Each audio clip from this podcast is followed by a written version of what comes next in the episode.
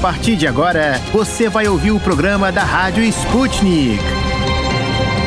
Olá, queridos ouvintes. Meu nome é Ana Liv Esteves e eu tô aqui com o meu colega Pablo Rodrigues para comandar mais um programa da Rádio Sputnik diretamente de Moscou. Saudações, ouvintes! É um prazer contar com a audiência de vocês nesta terça-feira, 25 de janeiro. Vamos dar um giro pelo mundo atrás das notícias do momento? Começamos o nosso giro de notícias lá do Brasil, onde o falecimento do escritor e influenciador Olavo de Carvalho repercute na mídia. Olavo de Carvalho morreu na região de Richmond, no estado da Virgínia, nos Estados Unidos. Olavo tinha diversos problemas de saúde e tinha sido diagnosticado com Covid-19 há oito dias. Apesar das especulações, a causa da morte do Olavo ainda não foi divulgada. O presidente Jair Bolsonaro lamentou o falecimento do influenciador no seu perfil no Twitter. O seu filho, o deputado federal Eduardo Bolsonaro, também apresentou condolências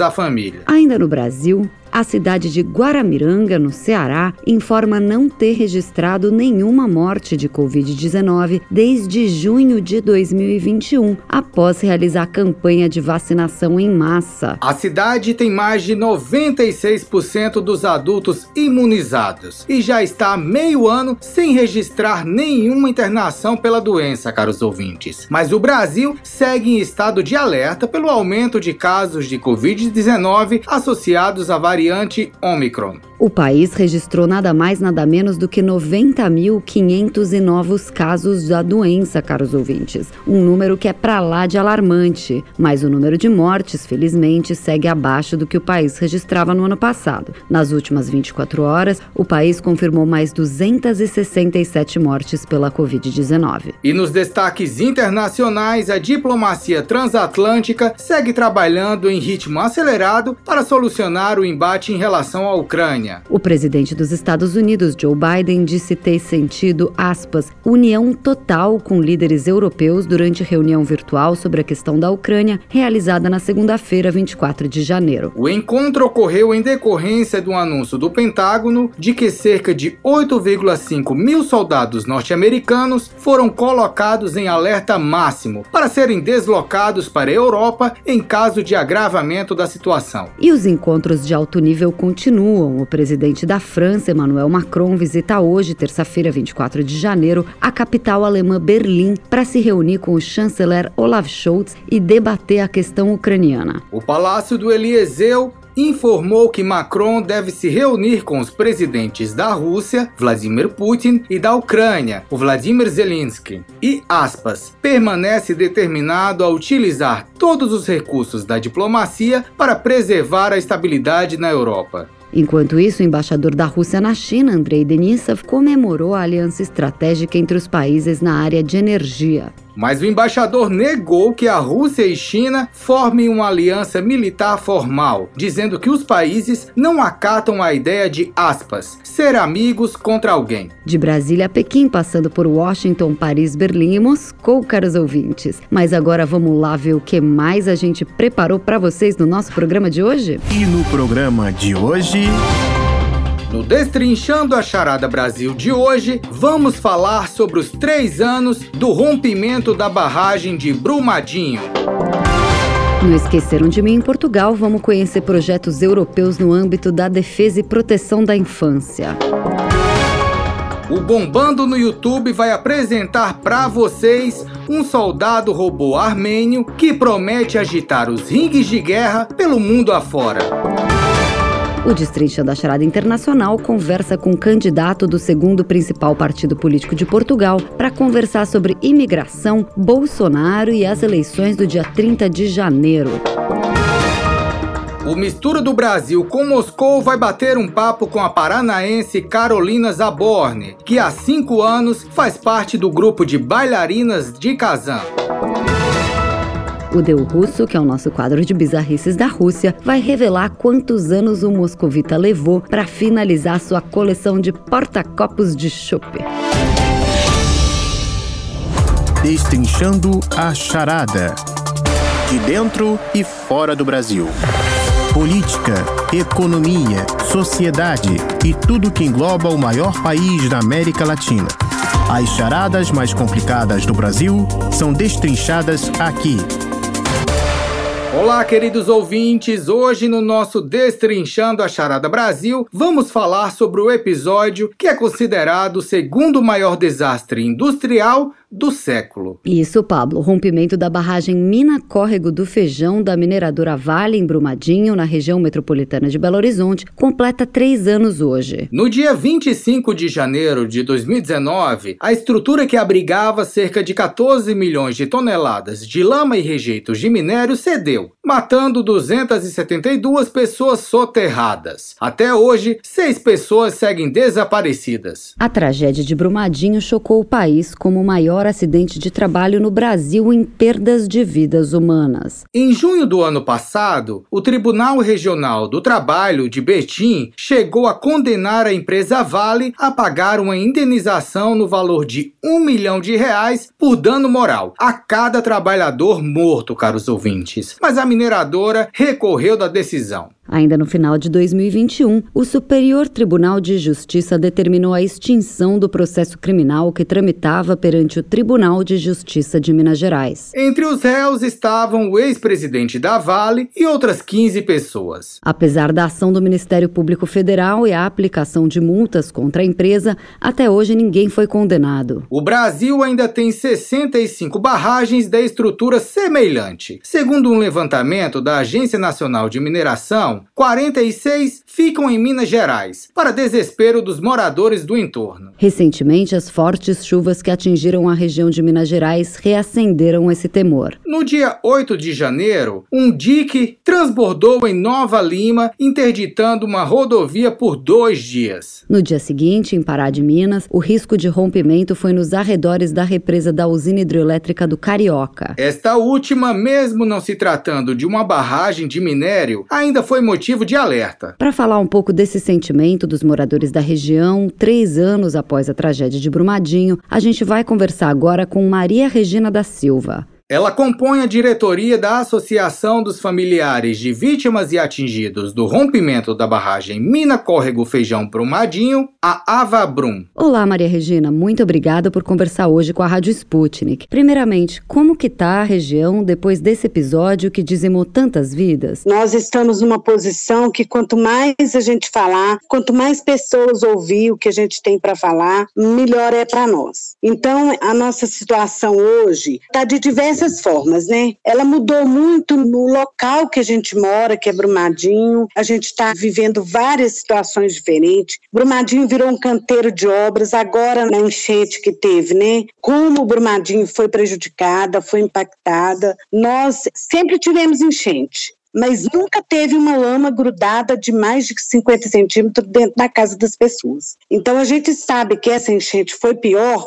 a gente está vivendo várias situações que nos deixam indignadas. Você vê, o governo, a gente fala em segurança, né? O que, que mudou na segurança? A gente acha que não mudou nada. O que a gente está vendo é que as pessoas que estão ganhando com esse crime, porque tem muita gente ganhando com esse crime. Você vê que Minas Gerais hoje não é mais do mesmo jeito que era antes. Antes nós estávamos em 2018 devendo funcionário, esse bendito desse Rodoanel, várias coisas para fazer que hoje já se resolveram várias coisas graças a esse dinheiro que o governo está pegando aí do crime, porque a palavra é crime, não é desastre, não é acidente, não, a palavra é crime, porque você não vê pessoas empenhadas para que esse crime tenha uma punição justa. Da parte do governo, eles falam assim, não, a gente está punindo, está punindo assim, aplicando multa. Multa resulta o quê? Dinheiro para os cofres do governo. Então a gente não quer isso. O que a gente quer, a solução desse crime que a gente quer é prisão para os culpados. É o mínimo que a gente pode querer é prisão para os culpados. Então, o que a gente vê hoje é isso. Não estamos vendo ninguém fazer nada para poder mudar essa situação. Tanto que nessas chuvas agora, todo mundo viu a situação de todas as barragens que tem em volta de Minas Gerais aí, todas as pessoas estão vendo. Eu fiquei indignada a semana passada quando eu vi uma reportagem de uma barragem que tem em Nova Lima, que ela tinha 20 anos de vida útil para se tirar minério nela e esses 20 anos venceram, parece que em 2016 e ficou protelando até agora e agora foi liberado mais 80 anos. Você imagina uma coisa dessa, um lugar que se tem 20 anos para você tirar um, um, mineral de lá e você acrescenta mais 80 anos, o que que vai se tirar lá? É um outro crime anunciado, né? Porque o que vai gerar ali é um crime, porque daqui a pouco o solo também não aguenta mais. Maria Regina, sua filha, que foi uma das 272 vítimas dessa tragédia, chegou a comentar algo sobre a segurança do local de trabalho? Eu visitei a Priscila lá na Vale uma vez, em outubro de 2018. Ela tinha um programa que é Família no Trabalho. Então, nós fomos convidados a passar um dia lá com eles eu fui. Nós não pudemos descer do ônibus antes que uma pessoa viesse com os capacetes para a gente colocar. Ela tinha as faixas de pedestre e a gente não podia atravessar um centímetro fora da faixa. Tinha que ser dentro da faixa. E naquele dia, a grandiosidade daquilo lá, quando nós fomos visitando cada lugar, né? Nós chegamos num lugar lá que tinha um buraco enorme muito grande, que você olhava lá embaixo, os caminhões estavam trabalhando, parecia caminhão de brinquedo. E eu comentei com a Priscila, falei, Priscila, aquilo não é perigoso, como é que faz, minha filha? Que é coisa muito grande, não é perigoso aqueles trem desbarrancar? Ela falou assim, mãe, se desbarrancar, mata todo mundo. Mas ela não acreditava que era segurança demais. Mas não desbarranca, não acontece. E quando aconteceu, que a gente ficou muito desesperado, ninguém sabia onde estava quem, e a gente liga para um, liga para outro, a minha filha, outra filha, ligou para uma amiga dela, da Priscila, que elas trabalhavam junto. E essa menina falou comigo que eles nunca imaginavam para você ter uma ideia, tinha trabalhadores em cima da barragem. Se eles imaginassem que aquilo podia romper, eles iam estar lá em cima. Então, eles nunca. Essa menina, amiga da minha filha, ela falou assim que elas andavam em cima da barragem de carro e se imaginava, se você imagina que pode romper, você vai chegar perto, você vai estar em cima. Eles estavam tranquilos aquele dia, como todos os outros, acreditando que eles estavam em segurança, que aquilo era uma coisa que jamais ia acontecer. A minha filha Priscila era uma jovem de 29 anos em 2019, agora ela estaria fazendo 31 uma jovem ativa, fez um curso aos 19 anos no Senai e entrou imediatamente para a Vale e foi dizimada lá. Dizimada porque eu entreguei à Vale um trabalhador competente. Eu criei uma filha competente, trabalhadora, que eu entreguei lá para trabalhar. E ela foi trabalhar naquele dia 25 de 2019. Ela subiu como um boi indo para Matadouro, sem saber que ela ia morrer. E várias pessoas sabiam que aquilo podia acontecer E ninguém cuidou da vida da minha filha. Então, o que a Vale prega é tudo demagogia, é tudo maquiagem. Quando ela fala em segurança acima de tudo, é tudo maquiagem. Não existe isso. Como diz o outro, é tudo por debaixo dos panos que as coisas são feitas. E as coisas, na verdade, elas foram feitas para quê? A gente via sempre falar que a segurança lá era muito grande, que a Vale exige isso, exige aquilo, mas ela não cuidou dos nossos. É muito triste qual o sentimento dos familiares das vítimas sobre até hoje ninguém ter sido condenado? A nossa sensação é, de indignidade, sabe? Porque eles não deram, as pessoas não deram dignidade nem para aqueles mortos, para poder apurar o crime. O crime foi apurado, viu que a Vale tem culpa, viu tudo que foi apurado demonstra a culpa da empresa, que eles sabiam que tudo o que aconteceu, eles sabiam que ia acontecer, eles só não tinham como prever a hora que ia acontecer, quando que ia acontecer, mas sabiam que aquilo era uma coisa que certeira que ia acontecer, e ninguém fez nada. Então a sensação sensação da gente é de tristeza mesmo, sabe? Porque você vê um filho morto daquela forma e você vê que ninguém paga por nada. Então eu queria perguntar a essas pessoas aí que fazem valer a lei, né? Essas pessoas que estudam para isso, para ver esse tipo de crime, porque eu queria que eles colocassem se fosse um filho deles que estivesse trabalhando e fosse entregue para eles dessa forma. Qual seria a sensação deles? Qual seria o pensamento dele? Esses juízes, esses desembargadores, que agora tiraram né, até o nosso direito de ter réu, porque não tem mais réu. A gente fica muito indignada triste, uma sensação de impunidade muito grande, é como se a gente tivesse com os pés e as mãos amarradas e a gente não pudesse, porque quando seu filho é morto, ah, um bandido matou, você tem como, mas esse bandido aí, ele tá muito alto, a gente não sabe como fazer, a gente não sabe como correr atrás. Então eu apelo para as autoridades, eu peço às autoridades que olhem por essas 272 pessoas que perderam a vida trabalhando. Alguns estavam almoçando, alguns estavam trabalhando, e que essas pessoas valorizem isso e deem impunidade para essas pessoas. Levem essas pessoas que são culpadas a julgamento e que a gente quer que esse julgamento seja dentro de Minas Gerais, em Brumadinho, porque foi lá que aconteceu o crime. A maioria das pessoas que faleceu são de lá e a gente não abre mão disso e a gente quer muito que isso aconteça. Maria Regina, muito obrigada por trazer esses relatos para os nossos ouvintes. Agora eu convido para esta conversa o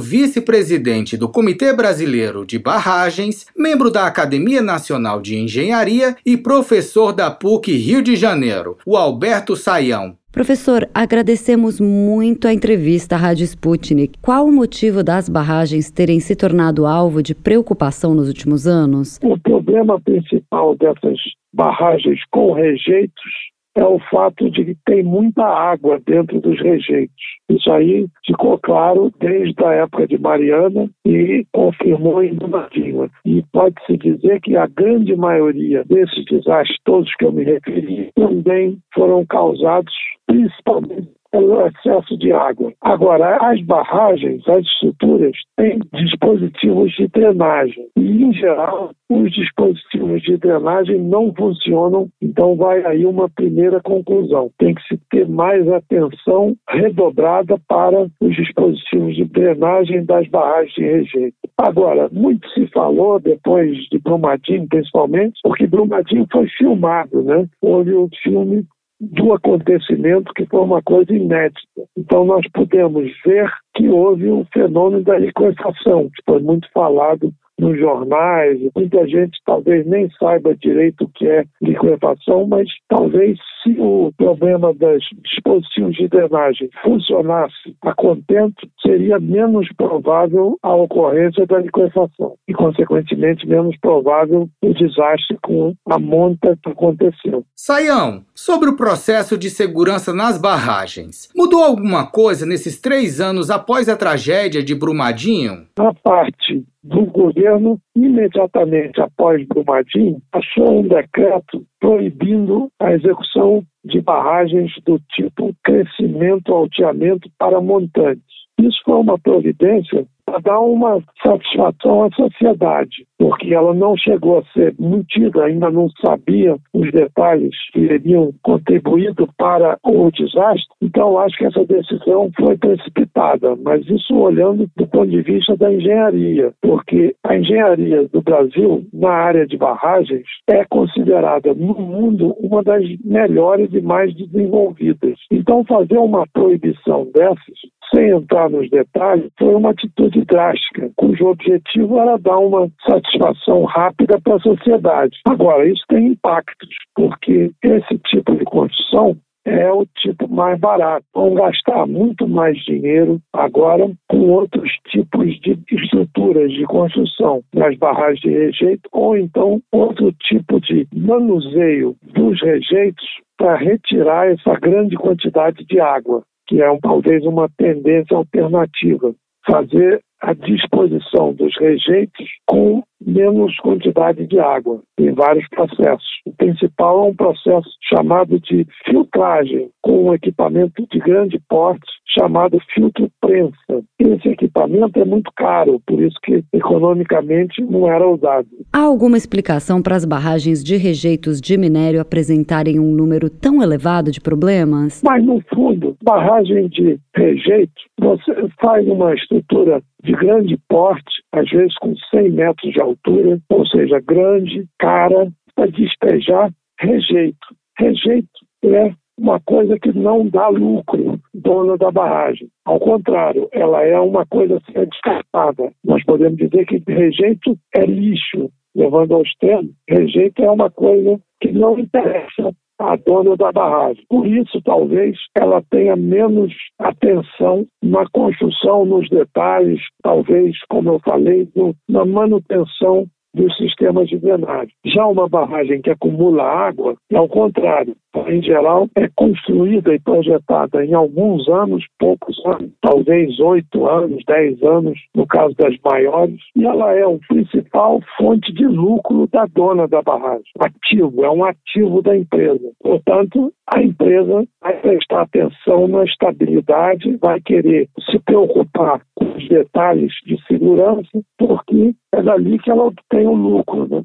Então, é normal esse tipo de situação. A esperança agora é que as empresas tenham aprendido a lição e novas tragédias não se repitam. Exatamente, Ana. Segurança em primeiro lugar. Muito obrigado por falar com a gente, professor. Esse foi o vice-presidente do Comitê Brasileiro de Barragens, membro da Academia Nacional de Engenharia e professor da PUC-Rio, Alberto Saião. O Destrinchando a Charada Brasil de hoje fica por aqui. Até mais.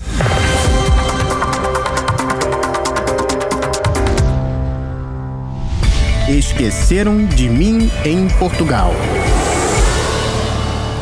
Senhoras e senhores passageiros, apertem os cintos de segurança porque estamos prestes a decolar rumo a Portugal. A tripulação Sputnik Brasil deseja a todos uma ótima viagem. Voando para Portugal, vamos direto conversar com a nossa correspondente Luísa Ramos. Hoje vamos repercutir projetos em defesa da infância e juventude, não é mesmo, Luísa? Olá, Ana e Pablo e ouvintes da Rádio Sputnik. Certo, Pablo. Vou começar destacando uma iniciativa do Centro de Estudos Sociais da Universidade de Coimbra, que lidera um projeto europeu que visa terminar com os ciclos de exposição à violência na infância e na adolescência. Será feito um levantamento de dados que deve durar dois anos e vai ter início já nos próximos dias. O nome oficial do programa é X-Men Masculinidades, Empatia e Não Violência. Este estudo enfrenta um desafio a mais no contexto atual, segundo a coordenadora do projeto, a investigadora Tatiana Moura. É a pandemia, mas mesmo assim, os envolvidos estão empenhados em agir na prevenção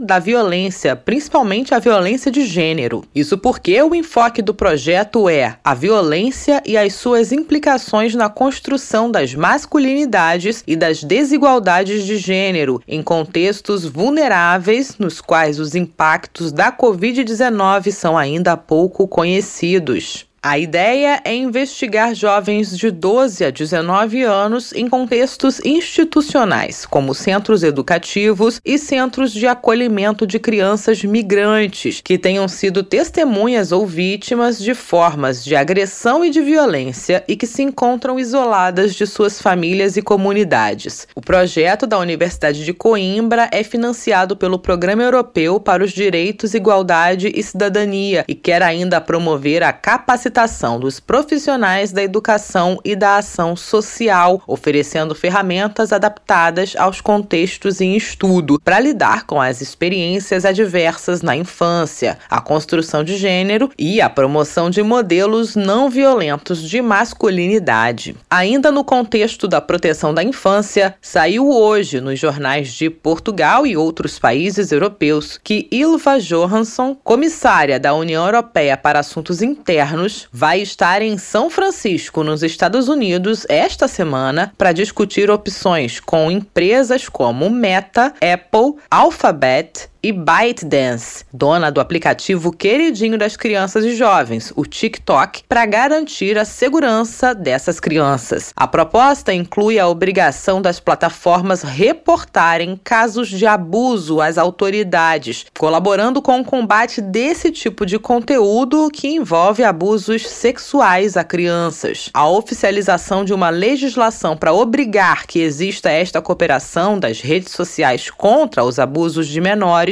deve ser colocada na mesa ainda nos próximos meses. Outro projeto da União Europeia é criar uma entidade semelhante ao Centro Nacional para Crianças Desaparecidas e Exploradas dos Estados Unidos. Nas palavras da comissária, aspas, o diálogo não é suficiente. Precisamos também de legislação e temos de a tornar obrigatória, disse ela em entrevista a Bloomberg. A União Europeia acredita que definir o regulamento é essencial, tanto para a proteção da privacidade de adultos, como também para a privacidade das crianças. Nas regras atuais, as empresas não são obrigadas a reportar os materiais ligados a abusos de crianças online, mas a proposta do Bloco Europeu pretende mesmo tornar obrigatória a denúncia, com o intuito de proteger principalmente as crianças. Por hoje é isso, estimados Ana e Pablo e ouvintes. Amanhã tem mais informações aqui no nosso Esqueceram de Mim em Portugal. Até! Eu acho importantíssimo que lideranças europeias estejam preocupadas com a proteção das crianças no ambiente virtual. Com certeza são casos e mais casos de assédio e abuso na internet. Se os adultos podem ser afetados, imagina as crianças. Vale destacar a iniciativa dos universitários portugueses em combater a violência de gênero na infância e adolescência, aprofundando estudos sobre a temática. Afinal, para combater o problema, é preciso entendê-lo. Verdade, Pablo. Luísa Ramos, muito obrigado pelos destaques de hoje. Até amanhã. Bombando no YouTube. Curtidas e mais curtidas da Rússia ao Brasil. Confira com a Rádio Sputnik os vídeos que receberam mais likes e visualizações e estão no topo do YouTube. E fique por dentro do que está sendo filmado por amadores ou profissionais pelo mundo afora.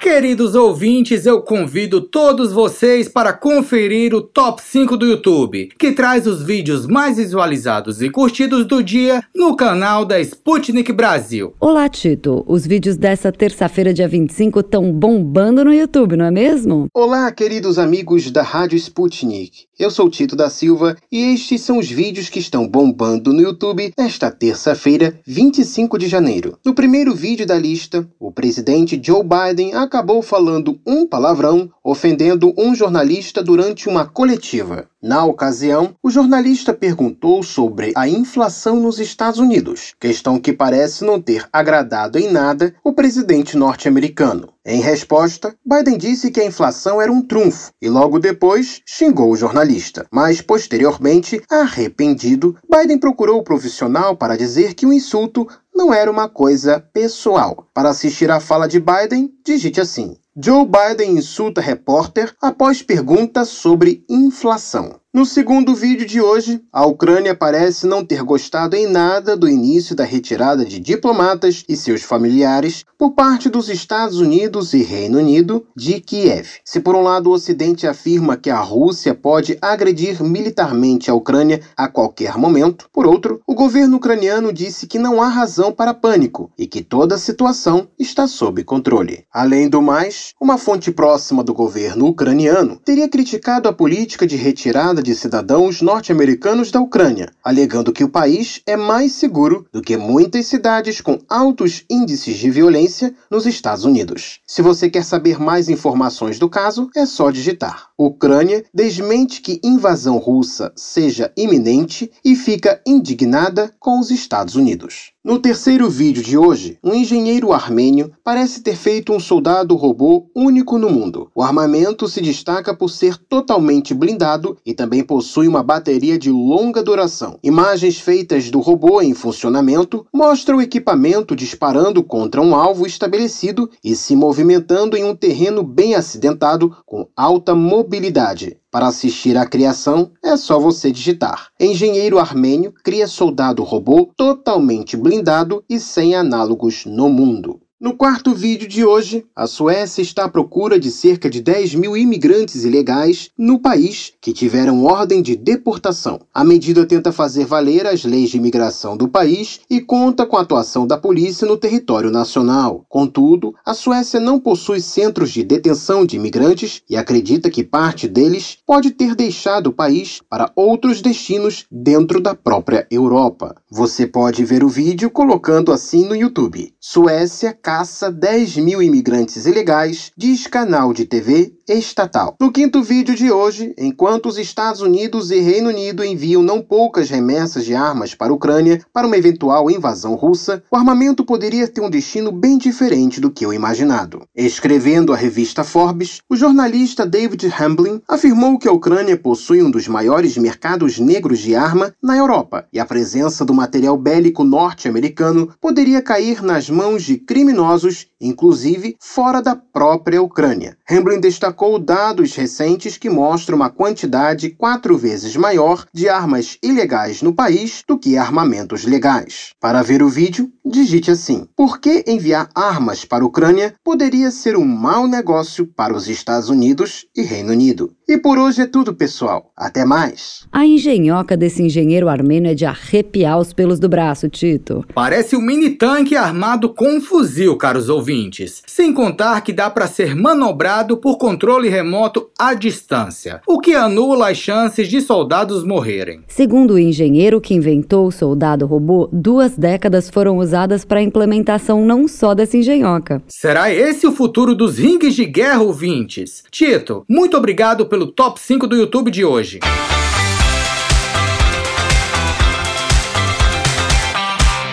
Destrinchando a charada. Encruzilhada Internacional. Relações políticas, socioeconômicas e muito mais entre as nações deste mundão. Da Rússia aos Estados Unidos. Encontre com a gente as respostas às perguntas do momento.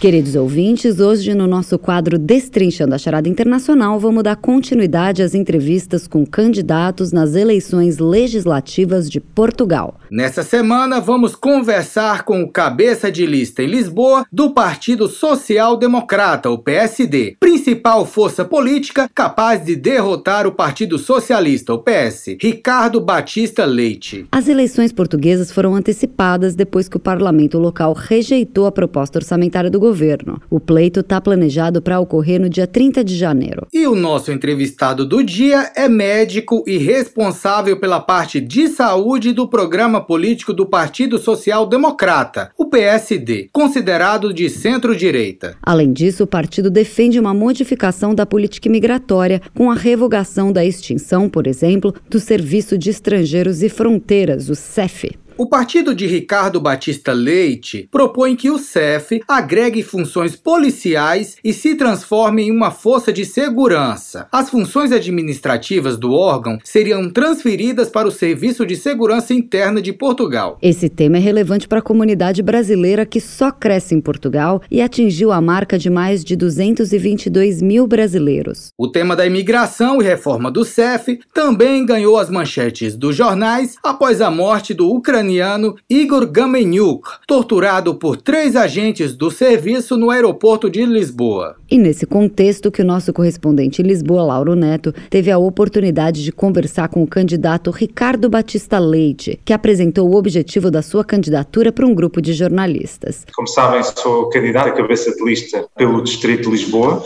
do Partido Social Democrata, liderado pelo Dr. Rui Rio, e nós apresentamos nestas eleições como a única alternativa viável para substituir o atual governo do Partido Socialista. E os factos são indesmentíveis, as sondagens são muito claras. No dia 30 de janeiro, os portugueses vão escolher António Costa para ser o próximo Primeiro-Ministro de Portugal, ou vão escolher manter tudo como tem estado ao longo dos últimos seis anos, ou então escolher pela mudança para o Dr. Rui Rio ser Primeiro-Ministro. E nesse sentido, nós entendemos que esta é, um, é uma posição de enorme responsabilidade, na medida em que nós apresentamos estas eleições, de facto, com um programa eleitoral para poder ser transformado em programa de governo, efetivamente. Ou seja, temos esta responsabilidade de apresentar ideias concretas sobre como é que nós queremos reformar o país. Porque nós somos um país, como sabem, que tem tido maiores dificuldades do ponto de vista do crescimento económico, no todo o contexto europeu, sendo rapidamente ultrapassado pelos países do chamado Bloco de Leste, os antigos países do Bloco Soviético. Nós somos um país, dos países da OCDE com maior carga fiscal, tem vindo a aumentar, com um enorme peso, uh, quer para as empresas, mas acima de tudo para as pessoas, e isto tem levado a uma situação de crescimento, de sentimento de atraso perante os nossos competidores diretos. O que é que eu quero dizer com isto? É que a população hoje percebe que a possibilidade de poder aspirar a mais, a poder ter um emprego mais qualificado e, consequentemente, mais, melhor remunerado, é uma miragem cada vez mais difícil de se concretizar. E esta falta de visão de futuro é resultado de uma visão dos últimos 26 anos, praticamente 20 anos foram geridos pelo Partido Socialista, que tem, de facto, implementado sistematicamente as suas políticas numa visão imediatista, no sentido de se perpetuar no poder e não numa lógica de futuro. O candidato do PSD salientou que as eleições em 30 de janeiro serão muito relevantes para definir como Portugal vai navegar as águas de uma possível desaceleração econômica mundial e competitividade dentro da zona do euro. E eu considero que esta eleição do dia 30 de janeiro é a mais importante do século XXI até agora por uma razão nós não apenas temos estas dificuldades económicas, como temos visto uma degradação brutal dos nossos serviços públicos, seja a saúde, seja a educação, entre E este, esta década vamos receber uh, fundos europeus por via do Programa de Recuperação e Resiliência, o PRR, e através do PT 2030. São milhares de milhões de euros que vão ser injetados em Portugal e que são uma oportunidade para fazer as reformas que o país nunca foi capaz de fazer no passado. E a visão do Partido Socialista é implementar 70% dessas verbas para o Estado e 30% para a economia real. Ora, a razão por que o PS entende fazê-lo e contra o qual nós eh, nos posicionamos, é porque quer que essa verba, de facto, seja sempre para os mesmos, mantendo um conjunto de clientelismos que têm vindo a atrasar o nosso país. E, portanto, nós acreditamos que é preciso libertar a sociedade, é preciso criar um modelo de crescimento económico para que depois possamos distribuir a riqueza gerada não apenas através da redução do IRS que está previsto no nosso programa, mas também garantindo mais e melhor emprego qualificado no nosso território. As eleições portuguesas também contam com a participação de um partido de extrema-direita chamado Chega. Seu líder, André Ventura, defende pautas anti-establishment, anti-imigração e contra a religião muçulmana. De acordo com o presidente do PSD, o Rui Rio, seu partido não considera a possibilidade de fazer uma coligação com o grupo de extrema-direita? Obrigado pela pergunta e eu confirmo aquilo que o Dr. Rui Rio disse. O PSD não está disponível para fazer uma coligação com o partido de extrema-direita em Portugal, que é o Chega, e, portanto, essa matéria está muito clara, ao contrário do Primeiro-Ministro António Costa, que ninguém sabe muito bem o que vai fazer se não tiver a tal maioria absoluta, que as sondagens dizem que é impossível. E eu creio que isto é uma diferença muito importante entre os dois. Com, com o Rui Rio, nós sabemos o que vai acontecer em qualquer um dos cenários e o PSD apresenta-se como um fator de estabilidade para o país. O Partido Socialista é incerteza absoluta. O candidato da extrema-direita, André Ventura, fez declarações no passado dizendo admirar o presidente do Brasil, Jair Bolsonaro. Nossa entrevistada deputado Ricardo Batista Leite preferiu não comentar a comparação, lembrando que o Jair Bolsonaro é um chefe de Estado de um país estrangeiro. Mas ele disse o seguinte: há um crescimento de extremos, de movimentos populistas, de movimentos demagógicos que aproveitam-se de facto de uma insatisfação crescente da população face ao chamado sistema ou establishment. E as redes sociais têm sido um forte motor de crescimento desta polarização. E por isso o facto de Rui Rio se apresentar como um líder capaz de romper com uh, algumas das convenções do sistema, capaz de, aliás, uh, basta ver a sua postura no dia a dia, que não é necessariamente o, a pessoa mais amada por algumas elites do nosso país, mas a verdade é que tem o povo com e eu creio que é isto que nós precisamos: pessoas sérias, moderadas, mas que sejam capazes de ir ao encontro daquilo que as pessoas precisam. Eu creio que é a única forma de nos vacinarmos contra aquilo que são os movimentos extremados, é termos de facto líderes, líderes do centro político, como é o PSD, capaz de contrariar estes movimentos que são movimentos que se aproveitam da insatisfação das populações para seu proveito próprio, mas sem necessariamente responderem às necessidades dos mesmos. O aumento exponencial do número de brasileiros saindo do país é assunto também lá em Portugal. Desde 2016, o número de brasileiros deixando a sua terra natal aumentou em mais de 55%, caros ouvintes. E depois dos Estados Unidos, Portugal é um dos destinos mais cobiçados. Por isso, nosso correspondente em Lisboa, Lauro Neto, não pôde deixar de perguntar sobre a política migratória portuguesa. O candidato Batista Leite criticou o ministro da Administração Interna, Eduardo Cabrita, cuja pasta é responsável pelo Serviço de Estrangeiros e Fronteiras. Vamos ouvir o que o candidato do PSD disse sobre a política migratória de Portugal? Aqui em Portugal, nós temos tido, infelizmente, da parte do ministro da Administração Interna, cessante, Eduardo Cabrita, uma atitude profundamente irresponsável na gestão destes dossiês. Ou seja, nós tivemos um, aquilo que foi anunciado no papel, que era uma política pró-integração dos migrantes, mas depois, na prática, aquilo que vimos foi o descambar daquilo que é o organismo mais importante do Estado português, que é os Serviços Estrangeiros e Fronteiras. Como sabem, houve um cidadão ucraniano foi torturado e morto à mão de forças de segurança portuguesas. E isso levou, ao invés de levar a uma reforma dos Serviços Estrangeiros e Fronteiras, levou a que o governo, apenas por razões políticas, tivesse decidido acabar com o CEF.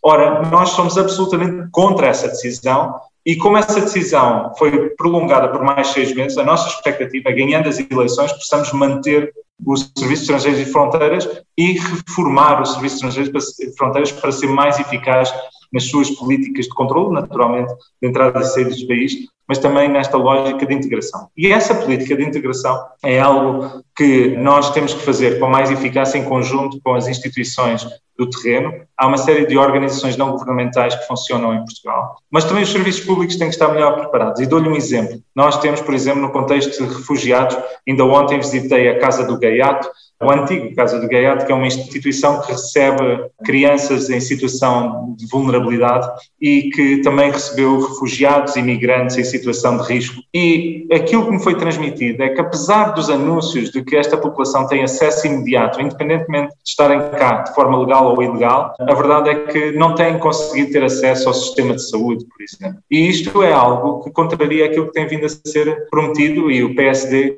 entende que estas são políticas sociais vitais para garantir a proteção não apenas dos migrantes, mas da população como um todo. Quanto à população do Brasil, nós temos aqui relações históricas que têm que ser preservadas. Portugal tem que saber reconquistar essa relação. Devo dizer que desde há muitos anos, desde o presidente Lula eh, e desde então até hoje, houve um arrefecer das relações bilaterais entre Portugal e Brasil. O Brasil virou-se mais para os BRICS à altura. Jair Bolsonaro claramente também não valoriza uh, quanto nós valorizamos, digamos assim, as transatlânticas e é fundamental reconquistar essas relações, não apenas por questões económicas, há questões culturais e há questões de benefícios mútuos, creio eu, para as populações de construção da reconstrução dessas relações que infelizmente se foram perdendo. Isso passa por termos uma política de relações externas proativa, olhando para a vertente económica, cultural e social que infelizmente tem sido deixada para trás. Muito interessante a conversa. A gente agradece ao candidato Batista Leite, do PSD de Portugal, pela entrevista. Lembramos que o PSD é atualmente o segundo partido com maior representação do parlamento português, com 79 das 230 cadeiras da casa. O principal partido segue sendo o Partido Socialista, com 108 cadeiras. As pesquisas de intenções de votos apontam que 38% dos eleitores devem preferir o Partido Socialista, enquanto 30% podem votar no PSD, o que vai diminuir a diferença entre esses dois partidos. A gente vai acompanhar as eleições portuguesas aqui e no nosso site br.sputniknews.com, caros ouvintes. Fiquem ligados. Mas por hoje, o nosso quadro Destrinchando a Charada Internacional fica por aqui. Agradecemos ao nosso correspondente Lauro Neto e ao entrevistado Ricardo Batista Leite, cabeça de lista do Partido Social Democrata em Lisboa. Até amanhã, queridos ouvintes.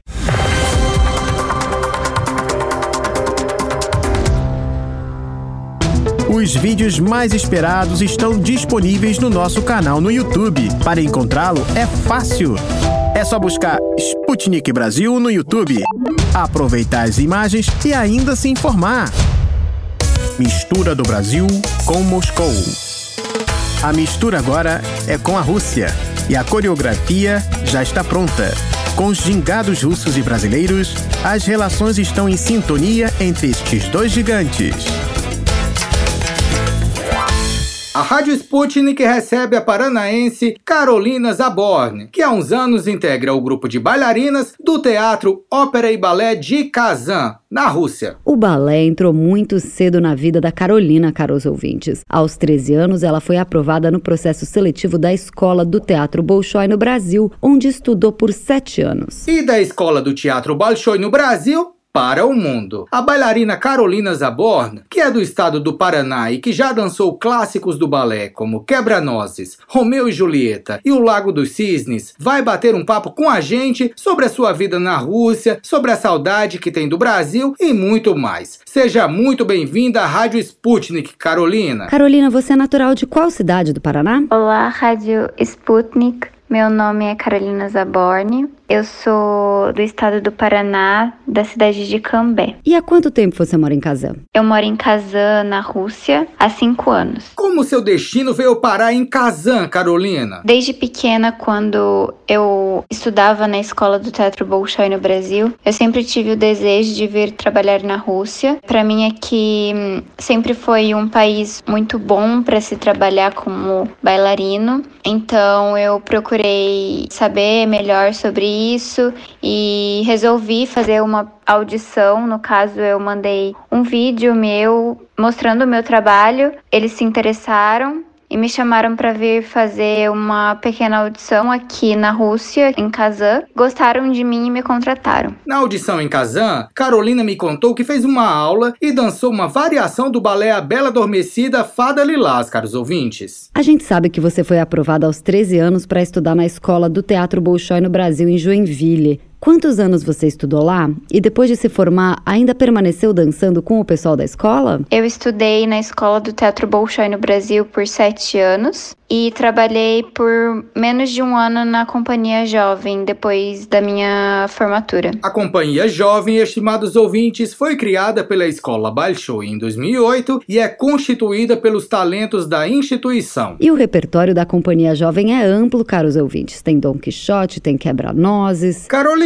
há outros brasileiros no grupo de bailarinos do Teatro de Kazan, correto? Atualmente aqui no Teatro de Kazan trabalham quatro bailarinos brasileiros. São três mulheres e um homem. As três bailarinas são Amanda Gomes, Thaís Diógenes e Carolina Zaborne. E o bailarino é o Wagner Carvalho. Todos formados pela Escola do Teatro Bolshoi no Brasil. Carolina, falando na escola onde você se formou, você mantém contato com o pessoal de lá? Sim, eu mantenho contato com a Escola Bolshoi no Brasil. Sempre que eu vou para Joinville nas férias, eu tento dar uma passada lá, tento me encontrar com todos os meus professores professores, as pessoas que ainda trabalham lá. E para mim isso é muito prazeroso, porque eu sinto muita saudade da época que eu fui aluna, sinto saudade das coisas que eu vivi lá, então para mim é sempre muito bom voltar. E qual foi a reação dos seus familiares ao saber que você passou a integrar o grupo de bailarinas de Kazan? Os meus pais sempre me apoiaram no que eu queria ser. Eu saí de casa muito nova, eu saí de casa com 11 anos para morar em Joinville. Eu fui sozinha para lá, morei em uma casa social, já morei com alguns amigos também, até fazer 18 anos e poder morar sozinha. Então, eles sempre me apoiaram e quando eu falei que o meu objetivo era vir para a Rússia, eu sempre recebi o apoio deles, mesmo com toda a saudade. Então, para mim foi um pouco mais fácil porque eles já tiveram que lidar com a minha saída de casa precoce, mas mesmo assim vir para Kazan, vir para a Rússia foi muito pior porque a distância é muito maior, então eu só posso ir para o Brasil, no caso, uma vez por ano. E quando eu morava em Joinville, eu todo feriado eu estava em casa, ou os meus pais estavam em Joinville. Então foi bem difícil acostumar, mas agora eu sinto que eles já estão muito mais acostumados e eu também. Carolina, com relação aos ensaios e espetáculos, a sua agenda tá corrida agora aqui em Kazan? Bom, esse ano, como as coisas voltaram um pouco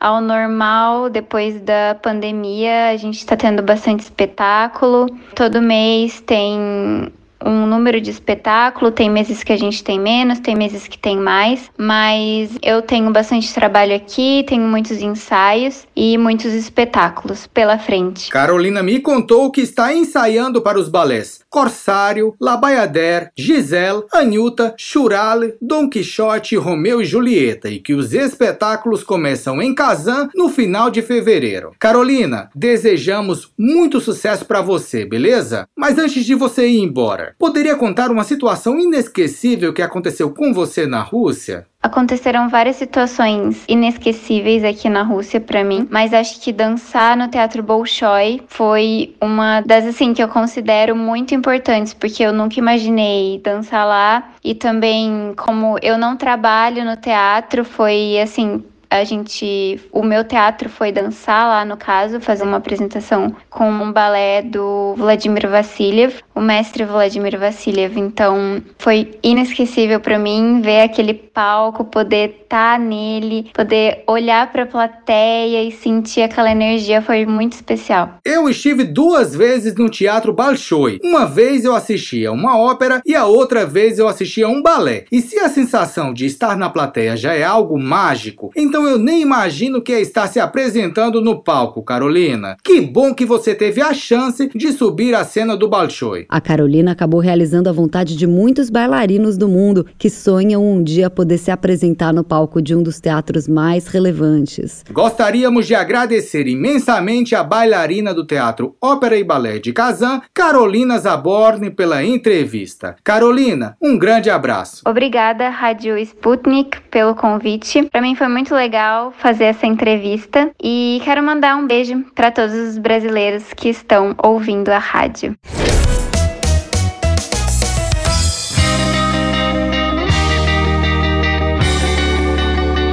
Deu Russo. De notícias bizarras do Brasil já estamos mais que saciados. E as bizarrices que acontecem na Rússia, hein? É outro nível, rapaziada. Ih, deu russo!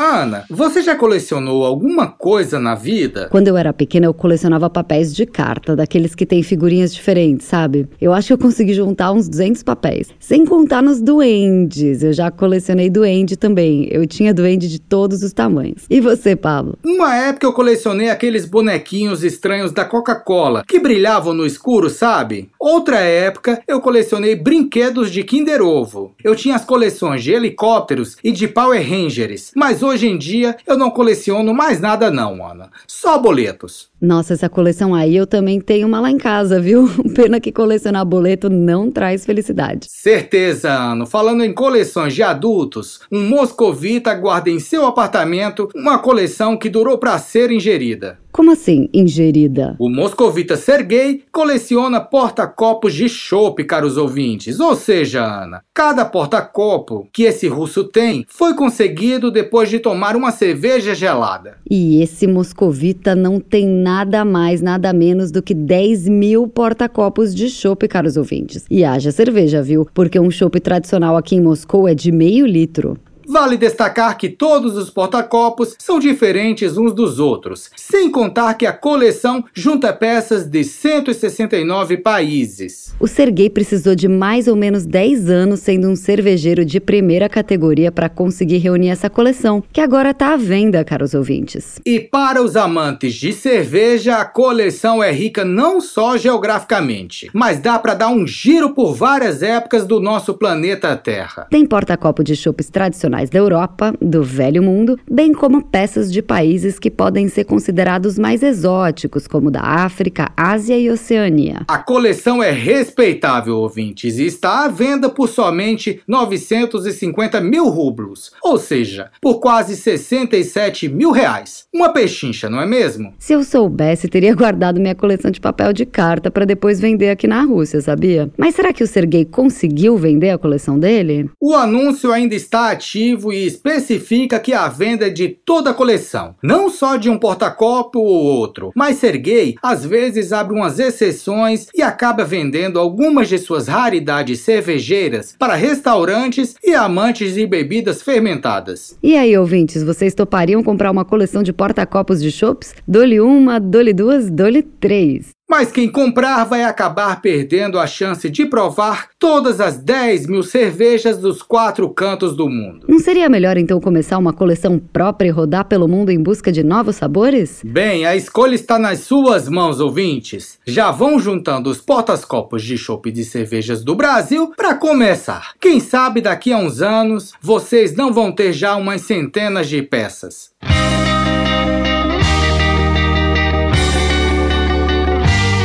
Ana, você que já mora vários anos na Rússia, qual foi a temperatura mais baixa que você já pegou? Olha, se eu não me engano, Pablo, foi menos 40 graus Celsius. E foi logo no meu primeiro ano de Rússia. E eu já tive que suportar essa temperatura por uns 40 minutos. Mas depois até que foi bom, porque eu tive a chance de conhecer a tão famosa banha russa, que é uma sauna daqui. E aí deu para espantar um pouco o frio, sabe? E você? Eu me lembro de uma viagem que eu fiz para Severodvinsk, que fica no norte da Rússia. Era inverno e justamente quando eu e meus amigos decidimos visitar um bosque afastado da cidade, estava fazendo menos 36 graus Celsius, caros ouvintes. Voltar sozinho para casa não dava. Tinha que esperar todo mundo. Daí eu saí do carro e a sensação é que tudo congela. Cílios, nariz, orelha, até abrir os olhos é complicado. Verdade. E quanto mais você respira, mais congela dentro do nariz. E por isso que geralmente, quando tá fazendo muito, mas muito frio, os russos cobrem o nariz e a boca com um cachecol, deixando só os olhinhos de fora.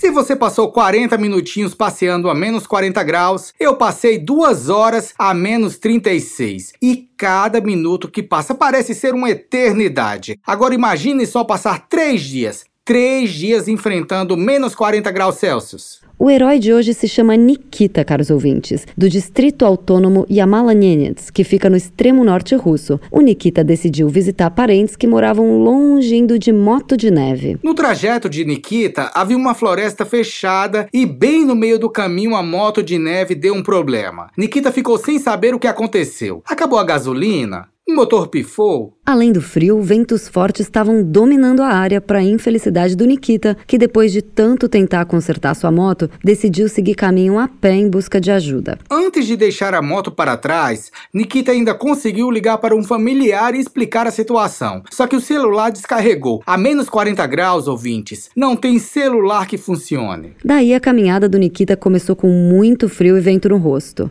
Ainda bem que esse russo estava usando um casaco de pele bem quentinho para suportar as baixas temperaturas. As horas foram se passando e nada de ajuda. Nikita começou a se preocupar. Não tem uma alma viva nessa floresta? Depois de tanto andar no meio do bosque, onde o nível de neve estava alto, o que só dificulta a caminhada, o Nikita decidiu parar um pouco, porque toda energia tem que ser economizada nessas horas. Esse russo encontrou às margens de um rio um relevo, onde o vento não batia. Pelo visto, era o local ideal para se proteger das rajadas de vento congelante. Mais um dia se passou e as temperaturas continuaram a menos 40 graus. O Nikita começou a pensar que talvez a ajuda não fosse chegar nunca. Por dois dias, uma equipe de resgate procurou o russo desaparecido pela floresta, andando mesmo. Voluntários também estavam empenhados nas buscas, mas encontrar Nikita era tarefa difícil. Tão difícil que os resgatadores decidiram usar um helicóptero para sondar o bosque e ter mais chances de achar o Nikita. No terceiro dia de busca, com o helicóptero fazendo muito barulho nos céus, Nikita decidiu sair para uma zona aberta de onde ele poderia ser visto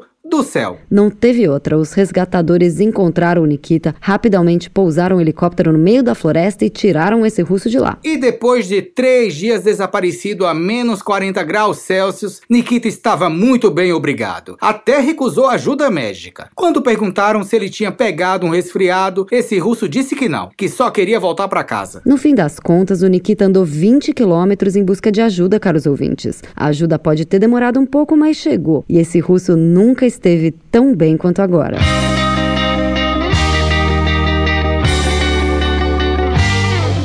Está à procura de notícias com outros pontos de vista e posicionamentos? Curta nossa página no Facebook. É só digitar Sputnik Brasil na busca do Facebook e deixar sua curtida.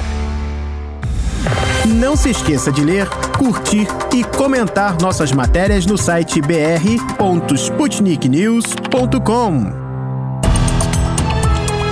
Hora de dar tchau.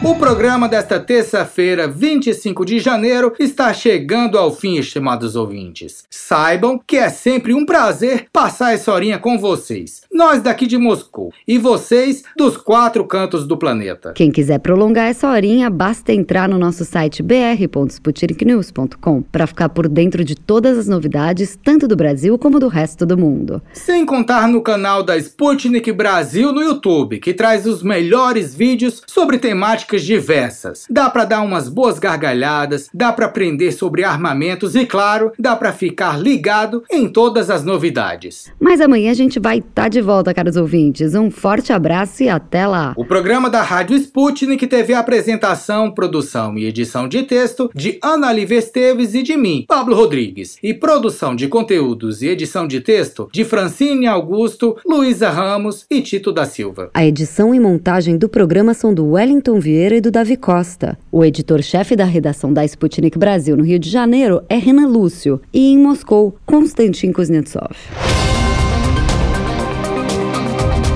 Você acabou de ouvir mais um programa da Rádio Sputnik.